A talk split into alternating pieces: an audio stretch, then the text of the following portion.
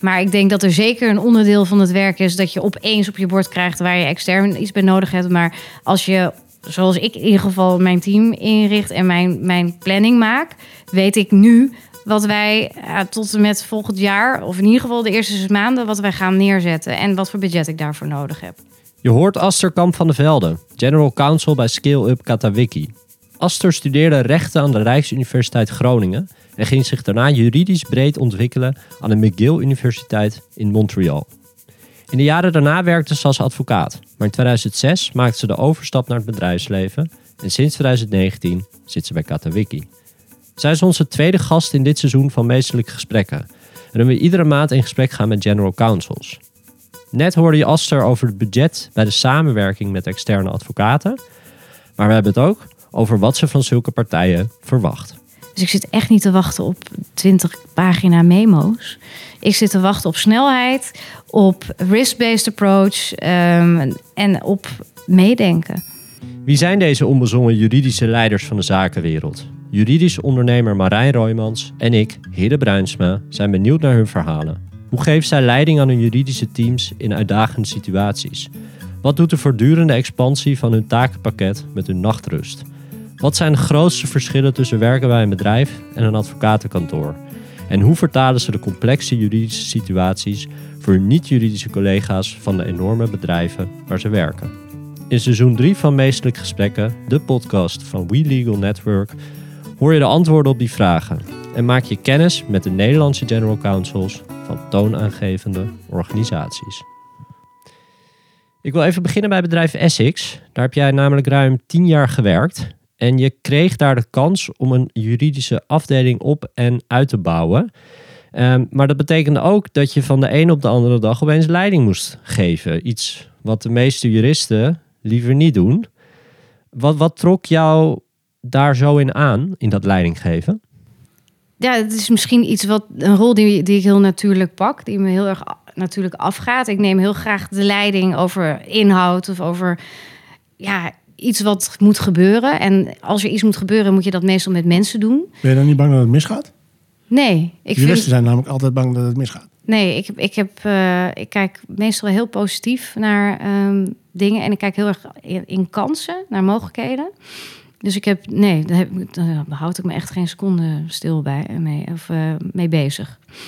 Had jij een soort, had je het idee dat je, dat je dit pad zou gaan bewandelen? Nee, ik zeg altijd, en dat weet mijn team ook: uh, life is what happens to you while you're busy making other plans.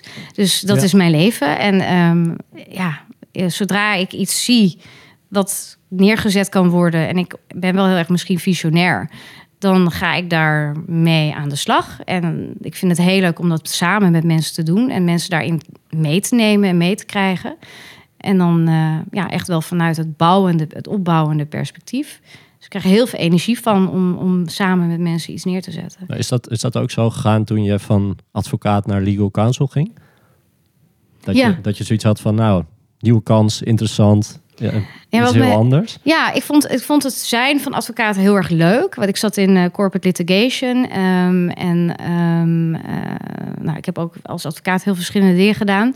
Maar wat, ik, wat mij daar heel erg. Um, ik voelde me heel erg beperkt, omdat ik ja, eigenlijk de hele tijd bezig ben met een stukje van een groter geheel.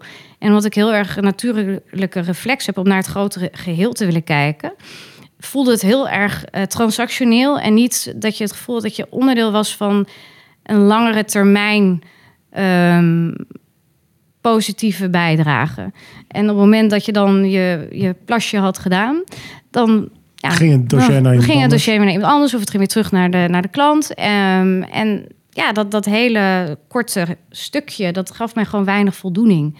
En toen ik dus in-house ging, dat was ook gewoon een, een gok ik had geen idee of het wat zou zijn. Maar vanaf de eerste dag dacht ik, oh my god, fantastisch. En waar, waar lag dat dan voornamelijk aan? Dat oh my god?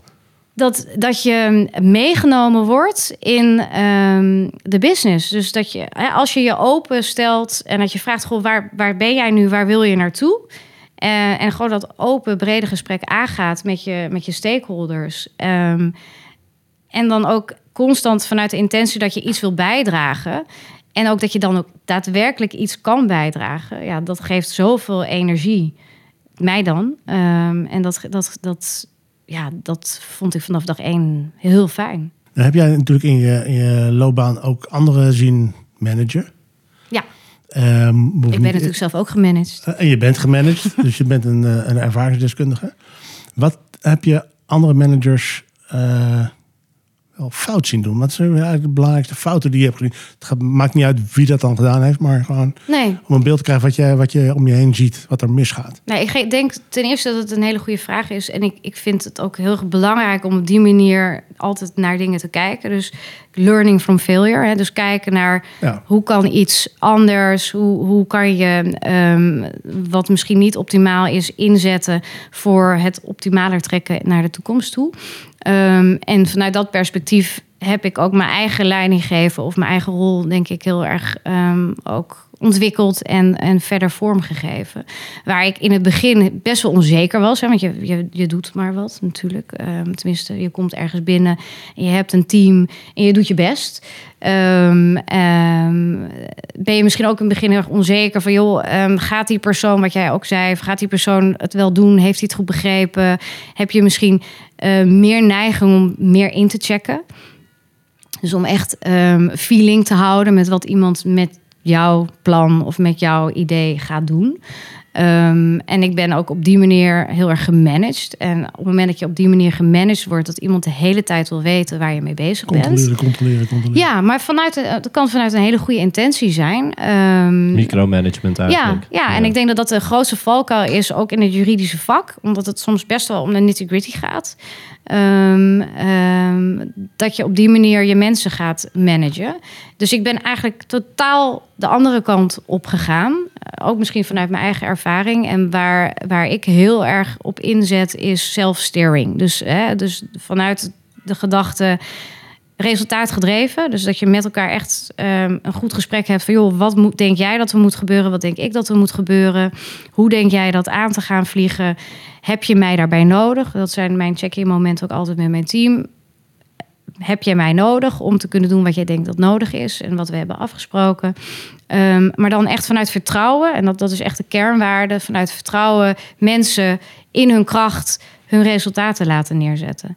En dat, is zo, dat geeft zoveel ehm, eh, motivatie, maar ook zoveel positiviteit in het team, maar ook in de onderlinge relatie. Ehm, dat ik zou, ik zou dat zelf niet meer anders kunnen en niet meer anders willen. Maar dat is niet iets wat ik in het begin meteen had. Maar heb je dat van anderen afgekeken? Of Nee, ik denk, dit is wist, echt. wist je dat? Of Nee, dit is echt, denk je, vanuit eh, de ervaring hoe het anders kan, is dit ontstaan. En ik heb me daar ook wel over ingelezen. En ik heb, ik heb eh, ja, en dat kan ook elke dag nog verbeterd worden. En ik bedoel, niks is perfect. Mhm. Dus, maar ik, ik vraag ook echt feedback op dat vlak ook. Om, hè, want ook naarmate iemand er, meer ervaren is, kan je ook mensen, hè, kan je zo iemand ook beter loslaten. Als iemand net begint, dan, is, dan heb je alweer een heel andere relatie.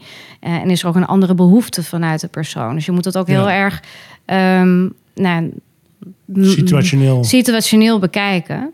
Eh, maar ik probeer wel ook, zelfs iemand die net begint, het gevoel te geven van, ja, dit is voor jou. Ehm, en maak er iets van. Jij gaat het doen. Ik Jij ben er om gaat het te doen. helpen, ik ben er hier. Ja, ja, precies. En dat, ja, dat vind ik gewoon heel leuk. Hoe Nou, dat ik denk dan- ook dat ja. heel veel jonge mensen dat juist Ja. heel erg interessant vinden en fijn. Heren, ik zal je wat verklappen, oude mensen ook. Ja. Iedereen tuurlijk. wil zo werken. Ja. Maar volgens mij is de nieuwe generatie steeds meer daar, daarmee bezig. Ja. Eh, en, en roepen ze ook steeds harder als ze, als, dat ze niet willen worden gemanaged. Of in ieder geval niet willen Nee. worden gemicromanaged. Mensen willen wel graag dat, er voor ze, dat je er voor ze bent. Die willen, iedereen wil wel dat er een beetje voor ze gezorgd wordt. Ja. Dat je look out voor them. Maar Ja. het moet niet eh, doordraven. Maar ze willen vooral ook gewoon aangesproken worden op hun, op hun, ja, eh, hun, hun skill en op hun, hun autonomie en op hun mogelijkheden om zelf dingen voor elkaar te krijgen. Ja, en het is niks mooiers dan dat je je eigen impact kan neerzetten. En als je, ja, tenminste, ik vind het heel fijn om dan het gevoel te hebben dat ik iemand a- heb aangeboden om daarbij te helpen en daar te, steun, te steunen. Maar op het moment dat je dus het gewoon wel helemaal alleen of zelf of met minimale sport hebt gedaan, hoe, hoe fijn is dat? Lukt het ook wel Hoe eens niet? goed? Ja, natuurlijk. We hebben een contractmanagement systeem, implementatie. Nou ja, dat, Hey, dat, daar heb je hem weer. ja, daar heb je hem Dat weer. was ja. vorige keer ook, hè? Ja, Vorige ja. keer, die contract management Nou, maar het erge is, jongens, dat ja, ik heb Pas dus op. ik heb serieus dit al op meerdere plekken gedaan. En met alle learnings, ehm, ook deze keer, zijn er weer learnings. En op zich is er helemaal niks mis mee. Ehm, maar goed, ja, ze zijn er wel. En Ja. eh, dan is het toch eh, wat je denkt, een fantastisch mooie tooling, AI-driven, overpromised en under-deliver. En vervolgens zit je Maar met goed Pina. IT-gebruik. Ja, Ja. goed verkocht. Ja, Ja. ja, Nou, Nou ja. AI komen we zo nog even op terug. Ja, Maar we- leuk. we willen het even met je hebben over werken onder druk. ja, Want toen jij hier kwam werken, in 2019 dus, Ja. net, nou, je zei net zes weken voor COVID, eh, was Katawiki bezig met het ophalen van een investering van 150 miljoen. Dat is nogal wat. ja. Eh, en jij kwam hier binnen en er was volgens mij één andere jurist die hier werkte. ja. En jullie moesten dat met z'n tweeën gaan, eh, gaan bolwerken. Ja. Ja, het was een hele interessante, want toen inderdaad zes weken voor COVID-lockdown. Ehm, ik had net iedereen één keer gezien hier. Ehm, en, En toen moest je thuis blijven. en toen moest ik thuis blijven. Nou, je had natuurlijk geen idee hoe lang dat allemaal duurde. En ehm, ja, toen kwam dit voorbij. En ik moet eerlijk zeggen, ehm, eh, ik heb nog nooit zo'n transactie überhaupt ooit gedaan. Dus het was echt best wel heel erg ehm, Maar je, je, interessant. was, je was wel betrokken. Het was niet dat het helemaal overgelaten werd aan de law firms. Dat, dat, eh, Nee, nee, nee. Dus hoe het, eigenlijk was het gewoon de verwachting: jij gaat dit doen voor ons. En minimale? Ja. externe hulp. Dus, en ja, ik had ook geen idee waar ik ja tegen zei. Dus ik heb dit gewoon, je komt binnen en je denkt: het is corona en dit wordt van mij verwacht. Ik ga nu niet zeggen, één, dat ik dit nog nooit eh, hè, gedaan heb in zo'n formaat. En ehm, dat ehm, ik eigenlijk heel graag heel veel externe hulp wil hebben. Dus dat is, was extreme learning on the job. Maar dat was dag en nacht werken dus. Ja, ik heb echt dag en nacht gewerkt. En eh, op dat moment had ons huis nog niet een apart kantoortje. Want wij dachten, dat is maar eventjes. Dus ik heb heel erg lang in de slaapkamer ehm, gezeten. En wat doet het met je? Ehm, ik kreeg er heel veel energie van. Ehm, want ik kreeg echt een hele grote rol in deze, in deze transactie. En ik kreeg ook heel veel vertrouwen vanuit eh, de CEO. Wat natuurlijk wel ook een grote druk gaf. Van oké, er wordt heel erg op mij vertrouwd. Dus ik moet het heel erg goed doen. Hij deed bij jou wat jij bij je medewerkers doet. Ja, en eh, precies. Ja, en ik, ik heb gewoon eigenlijk alles wat ik in mijn gereedschapskistje had, heb ik kunnen inzetten. En ik heb er heel veel van geleerd. En het was een enorme positieve bijdrage natuurlijk aan het bedrijf. En om daarbij betrokken te zijn, het heeft echt maanden geduurd. Dus het was eh, ja, pas ergens in december eh, van dat jaar. Ehm, dus echt bijna een jaar heeft het geduurd. Maar zou, zou je dat ook aan mensen in jouw team zitten aanraden? Van ga gewoon zulke grote dingen doen die je nog nooit gedaan hebt, zonder dat te vertellen? Ehm, nou, ik heb het wel gezegd, maar het is meer dat je zelf Aan het einde. Nee, nee, nee, nee. Ik heb het wel gezegd. Maar ja, je, je hebt je juridische gereedschapskist. En ik denk dat het meer een kwestie was van dat je je eigen vertrouwen moet vinden. In dat je al best wel veel je gereedschapskist hebt. In plaats van dat je in paniek raakt van oké, dit heb ik nog nooit gedaan, dus ik kan het niet. Nou, maar niet iedereen kan dat. Dat is natuurlijk ook een kwaliteit. Ja, ja maar die, die, die, die kom je dan tegen, denk ik. Dat is wat er gebeurd is. Maar ik heb heel veel eh, kwaliteiten ook... ehm, eh, waarvan ik niet wist dat ik ze had, heb ik ook leren kennen in dat traject. Stakeholder management. Nou, blijkbaar kan ik heel goed stakeholder management doen. Er moeten allemaal verschillende belangen in zo'n transactie. Aandeelhouders. Heel erg men, naar mensen luisteren. Heel erg zorgen dat je weet wat is het belang van deze persoon. Wat zijn eventueel de bezwaren van deze persoon. En dat heel goed in kaart brengen. En constant bezig zijn met. Het is een soort puzzel. Ehm, en proberen te verbinden. En ik heb heel erg eh, constant geprobeerd te verbinden. En mensen op de hoogte te houden. Heel veel be- informatiebehoeften daarin te voorzien. Van hoe is, en het projectmanagement aspect. Dus zorgen dat je iedereen eh, constant op de hoogte houdt. Van we zijn nu hier, we gaan daarheen. Dit is er voor nodig om daar te komen. Hier heb ik jou nodig. En constant het gevoel te geven dat je in charge bent eh, van dat proces.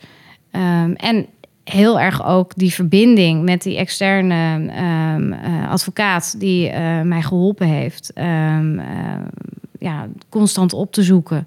En daar ook in te investeren. Want je gaf aan dat je daar ook eh, interesse hebt om dat een beetje uit te diepen. Daar komen we zo Daar op. komen jullie zo op. Ja. Ja. ja.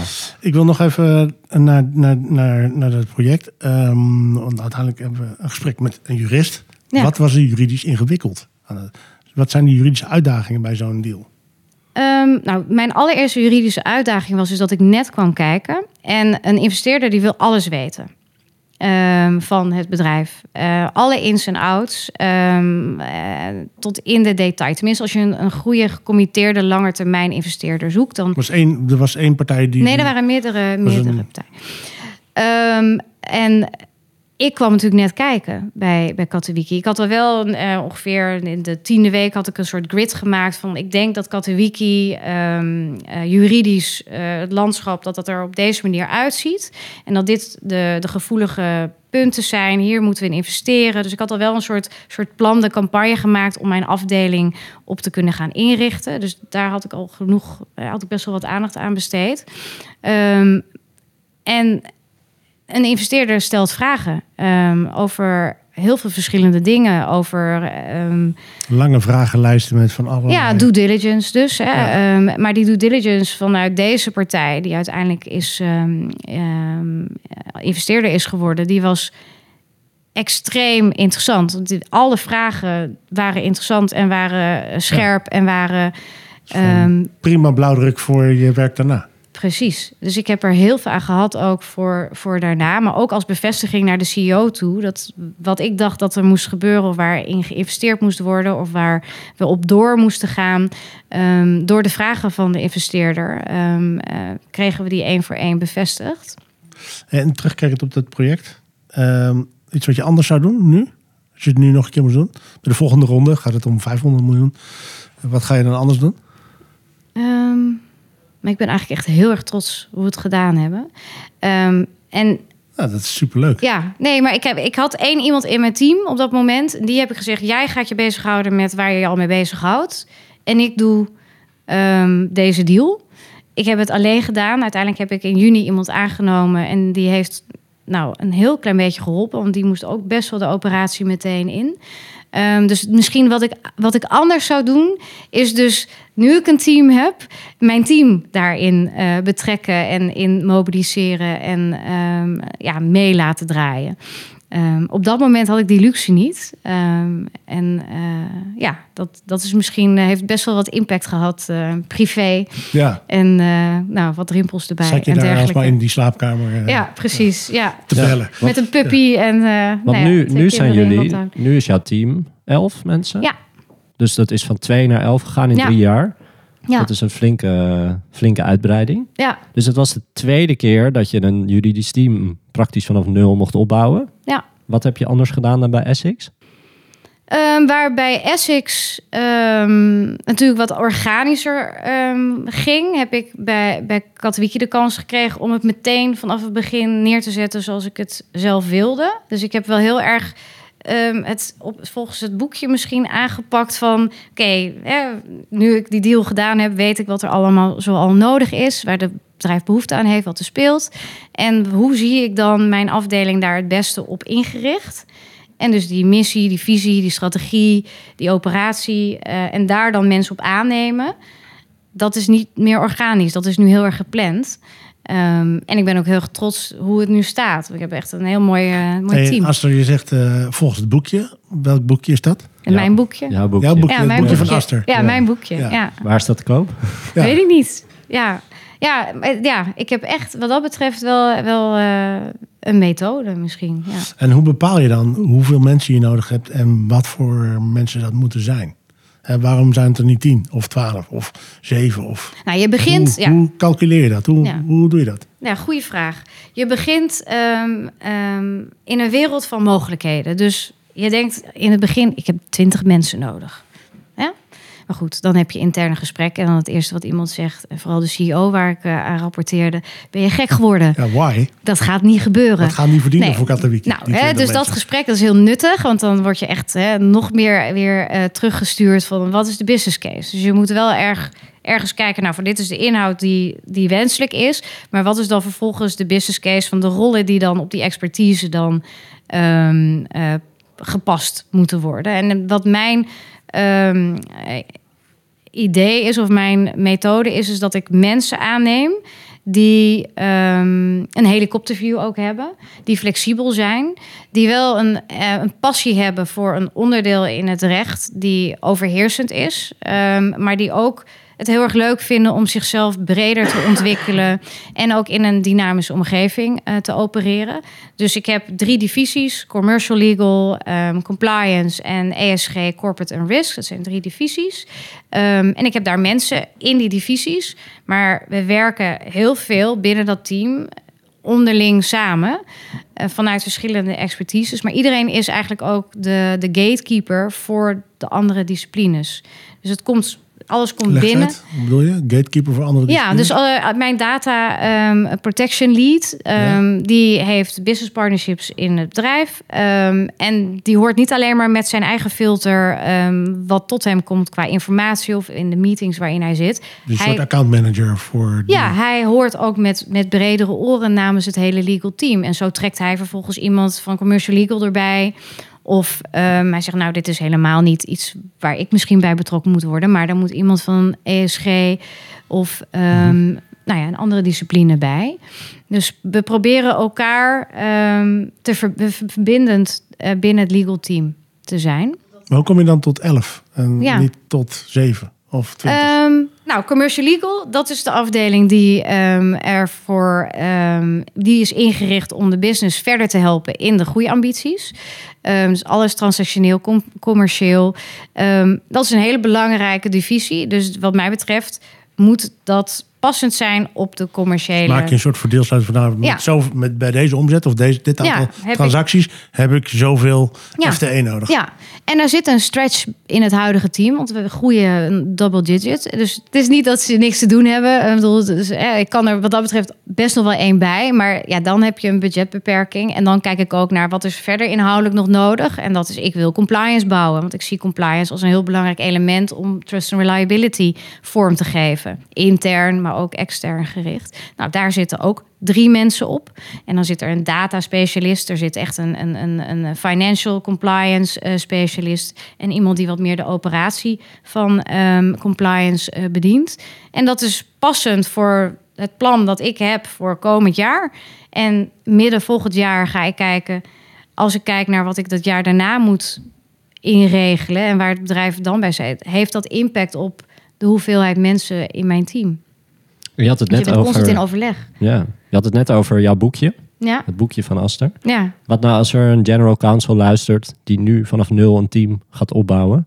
Welke tips zou je deze persoon geven? Ja, Ik heb dus dit soort gesprekken heb ik best wel veel. Want dat vind ik echt heel leuk om, eh, om dat eh, gesprek. eh, Met andere maar- maar general dat counsels. wisten, wisten Ja. wij helemaal niet natuurlijk. Nee, Nee, maar dat, dat dat is vind een ik goede echt gok leuk. dit. Ja, dat vind ik echt heel leuk eh, om, om, eh, om te doen, zulke gesprekken. En ook eh, om mee te denken. Neem je tijd. Neem je tijd om het bedrijf te leren kennen. Om je stakeholders te leren kennen. En in het nu, maar ook vooral om te begrijpen waar je bedrijf naartoe wil. En ga dan ehm, eh, heel breed kijken hoe kan je daar juridisch een waarde in eh, vervullen. Hoe wil jij daar juridisch een waarde in vervullen? En er zijn allemaal al verwachtingen. Hè, want je komt binnen en ze verwachten dingen van je. Daar moet je ook op gaan leveren. Dus het is een beetje een soort simultaan proces wat je aan moet gaan. Maar doordat je ook al levert, krijg je ook natuurlijk meer inzichten. Dus ga vooral niet in een kamertje zitten en denken... nu moet ik met een plan komen. Maar ga meedraaien. Ga heel veel contacten maken. Ga heel erg vragen stellen. Eh, Wees geïnteresseerd in wat er om je heen gebeurt. En- Open blik. Open blik, ja. En ga vanuit daar nadenken van waar kan mijn toegevoegde waarde nou echt in zitten. En laat dan ook even los wat je, wat je, wat, wat je denkt dat je zou moeten doen. Want soms ja, kan het net een element zijn waar, de rest van de organisatie een blinde vlek op heeft. En dat is juist jouw toegevoegde waarde. Dat jij met jouw expertise en gereedschapskistje ehm, je eigen bril in die organisatie eh, brengt. Dus ja, eerst echt nieuwsgierig en, en verbinden en ehm, luisteren. Voordat je denkt, ik moet me bewijzen en ik moet heel veel dingen nu gaan doen. Je moet natuurlijk wel heel veel dingen al meteen doen. Maar ehm, probeer echt ook nog ruimte te maken voor de nieuwsgierigheid. Ehm, We hadden het net al even over technologie, over eh, dramatische systemen en Eh, maar technologie wordt natuurlijk steeds belangrijker. Tenminste, ik zeg natuurlijk, ik denk dat natuurlijk, Ja. dat, dat zo is. En artificial intelligence, het is de hype van het moment, kunnen we niet omheen. We gaan er niet een heel lang gesprek over voeren, maar het is waarschijnlijk dat dat eh, het werk erg gaat veranderen. Wat doe jij daar nu mee? Ehm, ja, ik vind het mega interessant. Ik denk dat het eh, een, een ehm, extreme transformatie gaat ehm, triggeren voor ons vak, voor het juridische vak. Want het is natuurlijk een talend vak. Ja, en AI is een Precies. taalintelligentie. Dus Die het kan is. datgene wat wij kunnen. Ja, nou dat, dat is dus precies waar ik denk en waar ik door getriggerd ben. Want ik denk dat het een enorme goede tool gaat zijn en die we in onze gereedschapssessie krijgen. Maar ik denk dat het de rol van een in-house ehm, jurist ehm, en dat stukje wat echt, denk ik, onderscheidend blijft ten opzichte van AI, juist dat stakeholder management, juist dat verbinden. Dus echt luisteren, waar wil het bedrijf naartoe? Ja, waar wil het bedrijf nou echt naartoe? En hoe kan ik daaraan bijdragen? En hoe zet ik die resultaten neer? Want je moet het allemaal met elkaar doen. Je kan niet als juridische afdeling je eigen resultaten neerzetten. Tenminste, ik heb het nog nooit meegemaakt. Je moet dat allemaal met de business doen. En daar, daar heb je gewoon verbinding en vertrouwen en, en, en samenwerking voor nodig. Dus ik denk echt dat het een tool is. Bijvoorbeeld, ik heb iemand in mijn team die moet, eh, moest risk management neerzetten. Nou, die heeft ehm, AI. Die heeft dat nog nooit gedaan. En ehm, die heeft eh, via AI heeft ze haar weg gevonden om nou, een prachtige framework uiteindelijk eh, neer te zetten. Waar nou ja, de complimenten van het bestuur eh, echt gigantisch zijn. Want het is pragmatisch, het is scherp, het is value adding. En via AI hebben we dat ehm, vormgegeven. En ehm, mijn team heeft een Sinterklaas lunch. en ik heb gevraagd, iedereen gaat een gedicht voor elkaar maken via AI. Dus ik probeer heel erg mensen in mijn team ehm, te porren om op heel veel manieren mee te experimenteren. te experimenteren. En we hebben nu ook vanuit het, eh, vanuit het bedrijf als leiderschapsteam hebben we, of als, als eh, executive team hebben we nu ehm, doen we een pilot van hoe kan AI ons in ons werk ondersteunen. En ook als Katowike investeren we heel erg eh, in, in, AI, machine Ja, learning, data is, is alles voor ons. platform. eh, Nieuwe Ja. goud. is Ja. natuurlijk- We zijn een techbedrijf. Ja, dus kun je Dus- van alles mee. Ja. Hey, en hoe maak je dan je team future-proof? Behalve door ze daar nu al mee te, exp- te laten experimenteren. Ga je een ander soort mensen aannemen? Ga je, nou, gaat dat helemaal op korte termijn al echt merkbaar zijn in het werk? Nou ja, legal operations, hè, dat is een heel belangrijk element ook van mijn team. Maar ik ben heel erg van de geïntegreerde approach. Ik wil dat niet bij één iemand neerleggen of één iemands verantwoordelijkheid maken. Dat is wat mij betreft echt een onderdeel van ieder stakenpakket. Om constant na te denken, hoe kan je dingen slimmer, sneller en beter doen. Ehm, en daar ook verantwoordelijkheid en, en, en eigenaarschap in te pakken. En daar zie ik AI echt als een heel belangrijke ehm, eh, kans.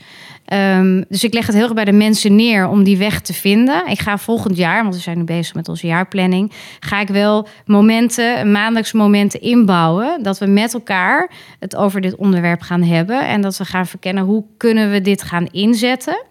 Beyond wat we nu al doen. Ehm, om dat vervolgens dan ook ehm, ja, projectmatig of planmatig eh, ja, structureel aandacht eh, te geven. We gaan even naar de tussenronde. We hebben een paar stellingen. Hmm. En dan eh, vragen we jou met eens, oneens te antwoorden. En Marijn kiest er aan het eindje nog eentje uit die je nog kan toelichten. Ja. Een general counsel moet, moet altijd onderdeel zijn van de raad van bestuur. Oneens. Het uurtarief als grondslag voor het ehm, factureren van juridische werkzaamheden is achterhaald. Eens. Er zouden meer general counsels van onder de 40 moeten zijn. Oneens. De salarissen van mijn mensen in mijn team zijn hoger dan wat ze ergens anders kunnen verdienen. Oneens. Het nemen van een sabbatical staat nog op mijn wensenlijst. Altijd eens. Ik lig wel eens wakker van mijn werk. Oneens. Mijn team is nu groot genoeg. Eens. Corporate governance is de belangrijkste verantwoordelijkheid van een general counsel. Oneens. Welke wil je het nog over hebben? Het uurtarief natuurlijk. Ja, dat dacht ik al. Potjan, nou, Sorry hele Aster. leuke vragen. Sorry Ja. Aster, maar dat Ja. uurtarief. Oké. Want jullie betalen allemaal nog uurtarieven. Iedereen betaalt uurtarieven. Wij betalen uurtarieven. Voorlopig is dat nog wel hoe het werkt. Maar jij zegt toch, dat is, het is geweest. Waarom? Ik ervaar het helemaal niet zo dat op dit moment de uurtarieven nog eh, standaard zijn. Hoe ik mijn uitvraag doe, is ik zie het echt als een project. Dus ik wil heel erg vooraf duidelijk hebben. Dit is mijn uitvraag. Dit is wat, wat, er, wat de context is van die uitvraag. Dit is waarom we het willen hebben. Ehm, en kunnen jullie hierin een rol vervullen? En hoeveel uur denk je dat het gaat kosten? Maar eigenlijk vraag ik niet eens hoeveel uur. Ik vraag hoeveel zal dat kosten? Ehm, en dan ben ik wel echt ehm, misschien heel erg streng. Ook misschien ook omdat ik in de advocatuur heb gewerkt. Om dan wat eruit komt De heel erg te die challengen. jachtopziener geworden is, is altijd het strengst natuurlijk. Nou, gewoon om te challengen. eh, van joh, waarom komt dit bedrag eruit? Ehm, want er kan ook een hele goede reden voor zijn trouwens. Maar ook om daar dan de advocaat of het kantoor aan te houden. Ehm, want dat is juist de expertise die je vraagt. Dat ze kunnen inschatten hoe complex is de vraag. ehm, hoeveel tijd ben ik ermee bezig. Ja, de Ehm, echte specialisten moeten het zelf kunnen zeggen. nou, en ik verwacht ook echt skin in the game van de advocaten. Op het moment dat er dus dan nog toch nog vragen zijn naar aanleiding van een advies. Dat dat ook een beschikbaarheid eh, met zich meebrengt om dat advies dan verder te duiden en ook praktisch inzetbaar te krijgen in het bedrijf. Ja, Dus ik, ik, zie, ik zie uurtarieven eigenlijk zelf niet meer als uurtarieven. oké. In hoe ik naar kantoren kijk. En we, we hadden het net over het ophalen van de investering. Daar Ja. werkte je wel samen met een externe Ja. advocaat, denk Ja. ik. Wanneer ga jij, in welke situaties ga je samenwerken met een externe advocaat? Als ik de expertise niet in house heb, ehm, of als het echt nodig is, dus notaris, eh, dus als er echt een, een, een concrete ehm, expertise extern gehaald moet worden eigenlijk. Ehm, dus voor de, voor de transactie werd het ook gewenst eh, vanuit de investeerder dat er extern een advocaat eh, eh, was. En hebben we daar ook heel veel bij, baat bij gehad. En ik heb ook echt een RFP gedaan, verschillende kantoren gevraagd om een voorstel te schrijven. En ik ben heel dankbaar en heel blij met het kantoor dat we uiteindelijk hebben gekozen. Eh, want die heeft ook echt de skin in the game getoond tijdens het traject. Eh, ik heb echt heel veel eh, nachten ehm, eh, beschikbaarheid gehad. En gewoon een heel mooi teamwork. Niet met een groot team, maar met gewoon twee mensen. Dat was echt, dat werkte heel snel en heel agile en heel fijn. Ehm, en ook een V-quote. En waar we ze ook aan het einde van aan konden houden. Terwijl het project echt een extreem groot project uiteindelijk is geworden. Ehm, maar dat bouwt ook loyaliteit naar de toekomst toe. Ja, je zit er samen in. Je maakt een inschatting. ehm, en ehm, ja, dat kan goed uitpakken of minder goed uitpakken. Maar juist als jij nu weer een... Dan ga ik wel Ga weer naar weer dat naar kantoor. Ja. Ja. Ja. Uit, uit het recente NGB-onderzoek eh, blijkt dat prijs het belangrijkste selectiecriterium is voor het kiezen van een advocatenkantoor. Eh, las ik in dat rapport. Ja. Hoe, hoe zie jij dat? Het is een heel belangrijk beginpunt, denk ik. Dus ik denk wel dat, dat Waarom is dat zo? Nou, je wil, het kan linksom, rechtsom kan het het beginpunt zijn. Je wil, ehm, je wil wel weten in welke prijscategorie je gaat vissen, denk ik. En binnen die prijscategorie, dan ga je kijken naar die andere ehm, aspecten. Ehm, dus ik, ja, je gaat, je gaat wel echt, je hebt een budget. En het budget is beperkt. Dat zal nooit, nooit oneindig zijn. Maar voor, voor dingen die, waarvoor externe advocaten worden is heel vaak geen budget van tevoren bepaald. Want het is van tevoren niet eh, voorspeld dat het ging gebeuren. Oh, Heel vaak niet. Hoor ik van GC's. Ja, nee, ja, dat advocatenwerk, ja dat, ja, dat laat zich moeilijk voorspellen. Dat laat zich moeilijk budgetteren. Dat, ja, dat komt een beetje op je bord en dan, ja, dan, dan maar moet je stilzitten, want dan word je geschoren. ben ik echt oneens. Ja? Ja, ik denk ja, nou tenminste, voordat dan moet ik het ook afkloppen natuurlijk nu als ik dit zeg. Maar ik denk dat er zeker een onderdeel van het werk is dat je opeens op je bord krijgt waar je extern iets bij nodig hebt. Maar als je, zoals ik in ieder geval mijn team inricht en mijn, mijn planning maak, weet ik nu wat wij ja, tot en met volgend jaar, of in ieder geval de eerste zes maanden, wat wij gaan neerzetten en wat voor budget ik daarvoor nodig heb. Dus Ja, hoor ik graag. Ik, Ja. ik, ik, ik ben van jouw school, maar ik hoor, Ja. het, ik hoor het tegenovergesteld. Nee, maar dan, ben, nou, dan vind ik gewoon echt dat je niet proactief ehm, meedenkt en vooruitkijkt naar je eigen functie. Je moet, ja, je kan toch niet de hele tijd maar wachten wat er op je bureau. Reactief blijven wachten. Van, Ja, nou het ja, werk dus- komt naar mij toe en als het komt, dan ga ik het doen. Ja, En dan weet ik wat het kost. ja. Achteraf weet ik wat het gekost heeft. Nee, dat kan echt niet. Dat kan ook Nee. echt niet meer in deze tijd. Ik bedoel, ik, ik werk bij, bij een scale-up. Eh, als ik op deze manier eh, naar mijn werk ga kijken en naar het budget ga kijken, dan, eh, Wordt dan ben ik er morgen niet Nee, meer. nee, Nee. maak je geen vrienden. Nee, Nee. nee. Wer- Dus werk je ook wel eens met interim juristen? ik heb ehm, eh, op het moment, op, toen ik eh, mijn team aan het uitbouwen was en het werk al wel gezien was door mij dat het moest gebeuren en ik had nog niet iemand in mijn team om dat te doen, heb ik zeker gebruik gemaakt van interim juristen. Ehm, en ik ben zelf ook een interim jurist geweest. Ehm, en ik denk dat het heel erg nuttig is. En ik ben ook heel erg. ehm, dat, dat is iets wat ik in de toekomst wel interessant vind voor een soort flexibele schil. Ja, het is nu niet passend bij Katowiki, maar wat ik wel heel erg passend kan zien, of bij een ander bedrijf, of misschien op termijn ook wel hier, dat je gewoon weet, komend jaar ga ik dit project doen, maar daarna is die juridische behoefte er niet meer. En dan wil ik iemand in mijn team hebben die committed is, die die expertise heeft, die daar volledig in eh, gaat. ehm, en wat dat betreft niet eens zo heel veel verbindingen moet maken met een business of met, een, met andere mensen in het team. Ik denk dat het heel nuttig kan zijn. Eh, voor projecten. En wat moeten externe juristen, advocaten doen om jou blij te maken als klant? Meedenken. Ook vooruitdenken. Dus wat ik heel erg fijn vind aan advocaten waar ik dan mee werk, is dat ze bellen. Joh, ik kwam dit tegen. Ik moest aan je denken. Misschien is dit relevant. Of eh, wist je al van deze ontwikkeling? Ehm, of ken je deze persoon die is bezig ehm, ook op dit onderwerp? Misschien leuk om daar een keer eh, mee af te spreken. Dus en heel erg ehm, qua inhoud, adviezen, heel erg eh, pragmatisch. Dus ik zit echt niet te wachten op 20 pagina memo's. Ik zit te wachten op snelheid, op risk-based approach ehm, en op meedenken. We hebben nog twee vragen. Ja, Ehm, een paar maanden geleden won jij de GCN Award. ja. Is dat GCN of GCN?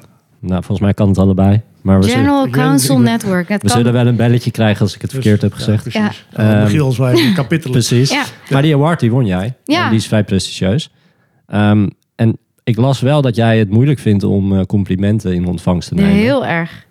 Ja. Hoe, hoe beïnvloedt dat jouw eh, ja, manier van leiding geven en de manier waarop jij leiding geeft aan je team? Dat Ja, je dat- dat moeilijk vindt. Dat moet je misschien aan mijn team vragen. Maar ik geef zelf wel heel graag complimenten. Ehm, ik vind het echt heel erg belangrijk om mensen ja, te zien in hun waarde en in, hun, ja, in wat ze doen en wie ze zijn. Ehm, en ja, op de een of andere manier heb ik daar zelf dus eh, heel veel. eh Maar waarom heb jij daar moeite van. mee? Ja, Dat mensen jou ook in je waarde zien. ik ben heel zelfkritisch. En ik, ik ben heel erg eh, perfectionistisch misschien naar mezelf toe. Ehm, en ik denk altijd dat het beter kan. Ik denk, ik denk altijd van nou, dit, maar ja, dan had, had ik ook nog dat kunnen doen. Of ik had ook nog dat kunnen zeggen, ook met dit interview. Ja, dat vind ik gewoon heel irritant aan mezelf. En als iemand dan gaat zeggen, ja, heel goed gedaan, denk ik, nou, dat zeg jij. Nou, maar ik weet wel hoe het nog beter had kunnen zijn. Ja, denk jij precies. Ja, dus ik ben heel, heel zelfkritisch. Ehm, en daar kan ik wel wakker voor liggen. Dus niet van mijn werk, maar meer van hoe ik iets heb neergezet of hoe ik het anders had kunnen doen of beter had kunnen doen. En dan eh, ja, mezelf daar misschien een beetje op testen of eh, doorvragen. Ja. Nou las ik een aanbeveling eh, over jou. Daar schrijft iemand... Ze heeft een goed oog voor sociale relaties... en is een, geweldige collega om mee samen te werken. Ze zorgt voor plezier op de werkvloer en is altijd zichzelf. Hoe breng je dat plezier dan? En hoe zorg je dan dat er balans is tussen werk en thuis... en plezier en concentratie? Hoe zorg je daarvoor? Zo, moeilijke vraag. Ik ben, ik, ja, what you see is what you get bij mij. Ik ben heel open, ik ben heel erg ehm, verbindend. Ik, ik ben gewoon ook geïnteresseerd in, in mensen. Ehm, en wat ze, wat ze drijven, wat, wat, ze, ja, wat ze bezighoudt misschien. En ik, eh, ik hou heel erg van eh, lachen en, en humor. En ik kan gewoon, ja, dat is iets... Zonder kan ik niet. Vinden ze thuis wel eens dat je te hard werkt? Altijd. Ja? Ja, altijd. Ik ben wel echt een workaholic. Ik krijg zelf? gewoon heel veel energie van Vind je dat werk. zelf? Dat je te hard werkt? Ehm, ja, het hangt vanaf met welke, welke bril ik dat ga Gewoon zeggen. de, de Aster, de Asterbril. De Asterbril. Ja. Ja, ehm, nou, ik denk dat het beter gaat. Maar ik heb wel, ik denk wel, eh, ja, ik heb heel, de afgelopen jaren heel hard gewerkt. eh, Ja, ja. Op moet passen. Maar hoe zorg je dan als je zo hard werkt dat je soms ook dat werk even loslaat? Ehm, de natuur gaan. Dus ik hou heel erg van, eh, van eh, op de zeilboot zitten. En ehm, de natuur in. ehm, dan denk ik nergens meer aan. Dus op, op een zeilboot zit ik in de flow. Geen telefoon, helemaal niks. En dat kan ik wel echt heel goed dan, dan loslaten. En dat, eh, dat heb ik ook echt nodig. Nou, lijkt me een mooi einde van dit gesprek. Heel erg bedankt, Aster. Mocht je nou luisteren en denken, leuke serie, laat dan even een beoordeling achter. Nogmaals, veel dank voor dit interessante gesprek. En eh, voor alle luisteraars, graag tot de volgende keer.